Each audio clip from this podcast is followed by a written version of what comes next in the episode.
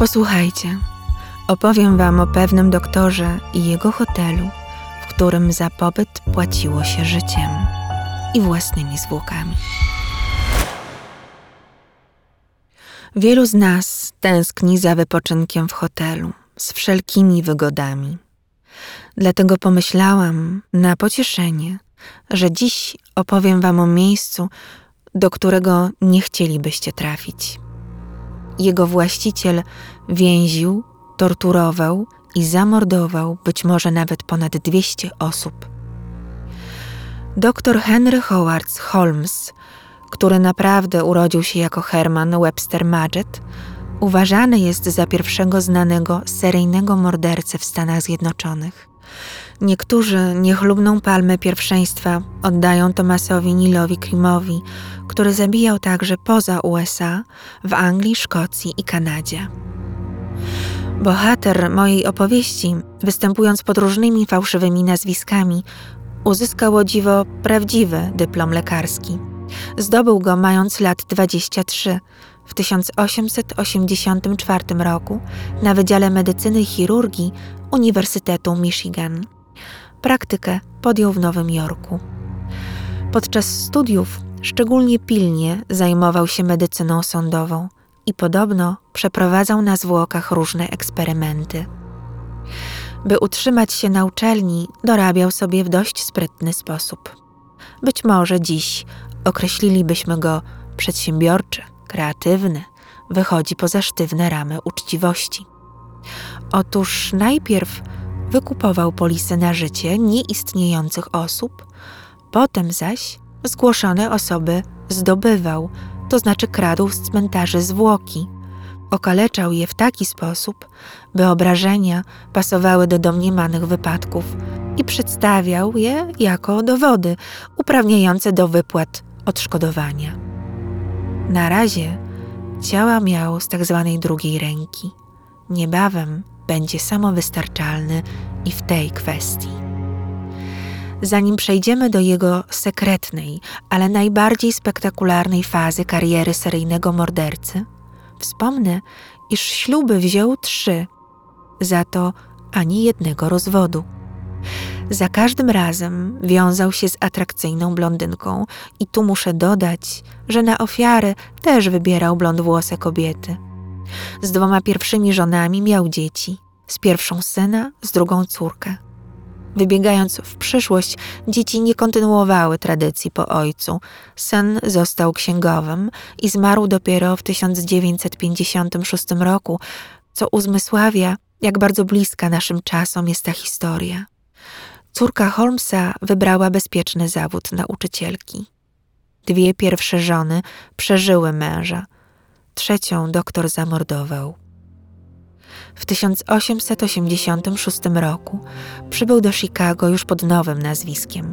Odtąd nie przedstawiał się jako Maggett, lecz właśnie jako dr Holmes. Nie chciał, by powiązano jego osobę z poprzednim miejscem pracy, z apteką w Filadelfii, gdzie najprawdopodobniej wydane przez niego lekarstwo doprowadziło do śmierci kilkuletniego chłopca. Tym razem zatrudnił się w drogerii u blond włosej pani Elizabeth Holton w Englewood na przedmieściach Chicago. Niektóre źródła podają, że wkrótce po blondynce i jej chorym na raka mężu ślad zaginął, natomiast Holmes przejął biznes. Sąsiadów poinformował zaś, że pan Holton w końcu zmarł, a wdowa sprzedała mu drogerię i wyjechała do Kalifornii. Innych źródłach znajdziecie informację, iż oboje państwo Holton dożyli XX wieku, a biznes po prostu sprzedali obrotnemu pracownikowi, czyli Holmesowi, mieszkając dalej w swoim mieszkaniu nad apteką. Holmes obrotny był na tyle, że w rok po rozpoczęciu pracy w Chicago wykupił plac naprzeciwko drogerii i rozpoczął budowę zamku, jak go sam nazwał. W trakcie prac zmieniał budowniczych, by nikt nie zorientował się w aktualnym kształcie i planie budynku. Parter przeznaczył na powierzchnie handlowe. Dziesiątki pomieszczeń bez okien na piętrze miały służyć jako pokoje do wynajęcia. Po jakimś czasie dodał trzecią kondygnację, na której mieściło się jego biuro. Oficjalnie budynek nigdy nie uzyskał statusu hotelu, choć natknęłam się na jego prawdopodobną nazwę The World's Fair Hotel. Potem ochrzczony został złowieszczo brzmiącym mianem The Murder Castle. Jego właściciela nazwano doktorem Katem. Wpływy z prowadzenia drogerii i wynajmowania powierzchni w swoim zamku Holmes uzupełniał różnego rodzaju oszustwami oraz przeprowadzaniem aborcji. Nadszedł wspaniały rok 1893 i wystawa światowa w Chicago, która przyciągnęła do miasta tysiące ludzi z całych Stanów Zjednoczonych i nie tylko. Przez hotel Holmesa przewijało się mnóstwo osób, w tym wiele młodych kobiet. Cały biznes polegał na tym, że za pobyt w zamku Holmesa płaciło się życiem. Właściciel hotelu mordował gości. Nie pogardził też życiem pracowników oraz swoich kochanek, z których co najmniej pięć trafiło do jego osławionej piwnicy, plus wspomniana trzecia żona. Jego przedsiębiorczość była wprost legendarna. Nie dość, że okradał swoich gości, to jeszcze zarabiał na ich zwłokach. Tkanek miękkich pozbywał się w całkiem brutalny sposób. Odrąbywał po prostu ciało od kości. Szkielety sprzedawał studentom i uczelniom, co wówczas było pożądane wśród adeptów medycyny i bardzo w cenie. Jak to możliwe, że nikt o niczym nie wiedział? Spryt Holmesa nie znał granic. Nie na darmo sam przygotował projekt zamku. Zbudował prawdziwy labirynt z mnóstwem sekretnych przejść i ślepych korytarzy Pokoje miały ukryte wizjery, były wytłumione i bez okien, by nikt nie słyszał jęków i krzyków torturowanych kobiet. Skonstruował nawet komory gazowe. Sterowane z jego gabinetu rurki, przez które zagazowywał gości, połączone były z niektórymi pokojami. To nie koniec. W wynajmowanych pomieszczeniach zamontował zapadnie, przez które zsuwał zwłoki prosto do piwnicy. Praktyka czyni mistrza, prawda? W piwnicy rozstawił kadzie z kwasem, przygotował doły z wapnem, wstawił piec krematoryjny i oczywiście wyposażył się w liczne narzędzia chirurgiczne. Pamiętał o najdrobniejszych szczegółach i wszelkich ułatwieniach w pracy mordercy. Po wystawie światowej opuścił Chicago i niebawem wpadł w ręce policji w Filadelfii ale z powodu zupełnie innego morderstwa, które miało przynieść mu spory majątek. Podczas pobytu w więzieniu za oszustwa dogadał się z kolegą z podceli, że z pomocą znajomego prawnika podstawią w firmie ubezpieczeniowej fałszywe zwłoki i odbiorą niezłe odszkodowanie. Ubezpieczonym początkowo miał być sam Holmes, ale firma wyczuła jakiś podstęp i nie podpisano z nim umowy. Wówczas doktor znalazł innego kandydata, kolegę po fachu, oszusta Benjamina Pitezela. Holmes miał zorganizować w dramatycznych okolicznościach śmierć podobnego do Bena mężczyzny, jednak darował sobie poszukiwania i zabił swojego wspólnika, Pitezela. Znane są dwie wersje tego zabójstwa. Albo pozbawił go przytomności za pomocą chloroformu, po czym oblał benzyną i podpalił, albo tylko podpalił, a sam chloroform dodał dla upozorowania samobójstwa. W każdym razie pożar miał być wypadkiem, tak czy siak. Wdowie, nieświadomej rzeczywistej śmierci męża, powiedział, że Pitezel wyjechał z kraju na przeczekanie, by ubezpieczyciel nie wpadł na jego trop. Kobieta uwierzyła mu i zgłosiła się po odszkodowanie. Na życzenie ubezpieczalni Holmes zidentyfikował zwłoki znajomego i ku radości obojga wypłacono zawrotną kwotę 10 tysięcy dolarów. To wartość prawie 300 tysięcy dolarów dzisiaj, którą kobieta podzieliła się z organizatorem akcji. Tym razem nie uszło mu to na sucho. Jego były współwięzień, z którym opracował pomysł, a który nie otrzymał obiecanych 500 dolarów, doniósł na niego do towarzystwa ubezpieczeniowego.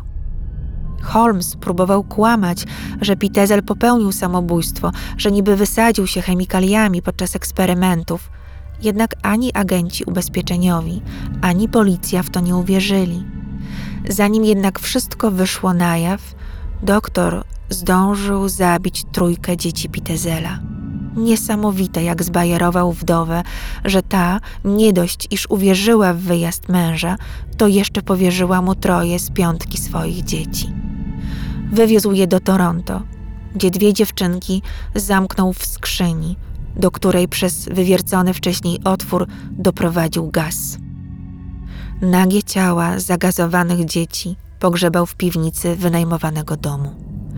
Trzecie dziecko otruł, a ciało pociął i spalił w kominku, z którego potem policja wydobyła zęby i kosteczki chłopca.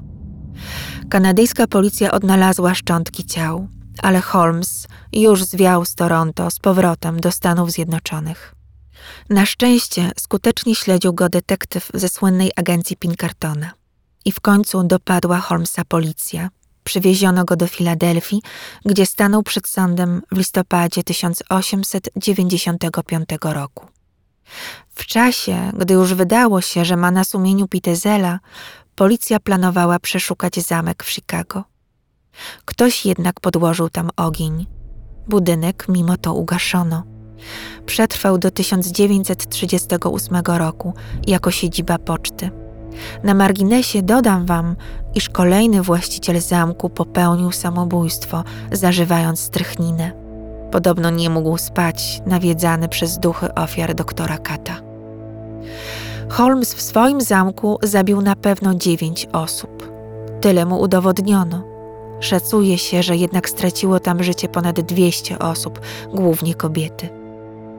Podczas kilkumiesięcznego pobytu w więzieniu przed egzekucją spisał pamiętniki i sprzedał je do brukowych gazet Hersta za kwotę 7,5 tysiąca dolarów. Dziś to około 230 tysięcy dolarów. Większość faktów, a nawet dokonanych przez siebie mordów, wymyślił, stąd takie niejasności do dnia dzisiejszego i wiele mitów, które stworzył na własny temat. Oficjalnie przyznał się do zamordowania 27 osób i sześciu usiłowań zabójstw w Chicago, Indianapolis i Toronto. Pod koniec pobytu w więzieniu zaczął bredzić, że jest opętany, a wszystkie jego zbrodnie są dziełem szatana. Powtarzał: Od urodzenia miałem w sobie diabła. Udawanie opętanego nic nie pomogło. Powieszono go w Moja Mensing Prison w Filadelfii 7 maja 1896 roku. Dziewięć dni później skończyłby ledwie 35 lat. Do końca zachowywał spokój wobec kata. Gotowy, doktorze Holmes? zapytał egzekutor. Tak, nie spartacz roboty, kacie, odpowiedział opanowany skazaniec. Kat robotę jednak spartaczył. Kark mordercy nie złamał się po otwarciu zapadni. Na szubienicy Holmes umierał długo. Dusił się prawie dwadzieścia minut. Ostatnią wolą Holmesa byłoby trumnę z jego zwłokami zalać betonem i zakopać na głębokości dziesięciu stóp. Tak bardzo bał się podobnych sobie złodziei zwłok. Prośbę tę skrupulatnie spełniono. Jednak nauka upomniała się i o jego ciało. W 2017 roku ekshumowano trumnę mordercy i przeprowadzono badania. Rzeczywiście trumna osadzona była w betonie dlatego ciało rozłożyło się w dość nietypowy sposób. Jego ubranie i wąsy zachowały się niemal w idealnym stanie.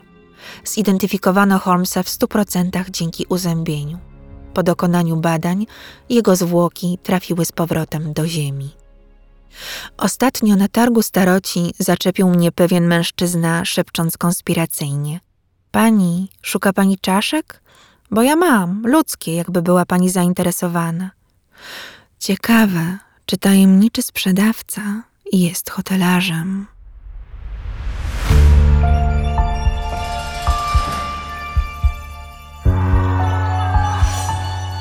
Dziękuję za Waszą uwagę i zapraszam na kolejne historie o złych ludziach i ich zbrodniach. Renata z worka kości.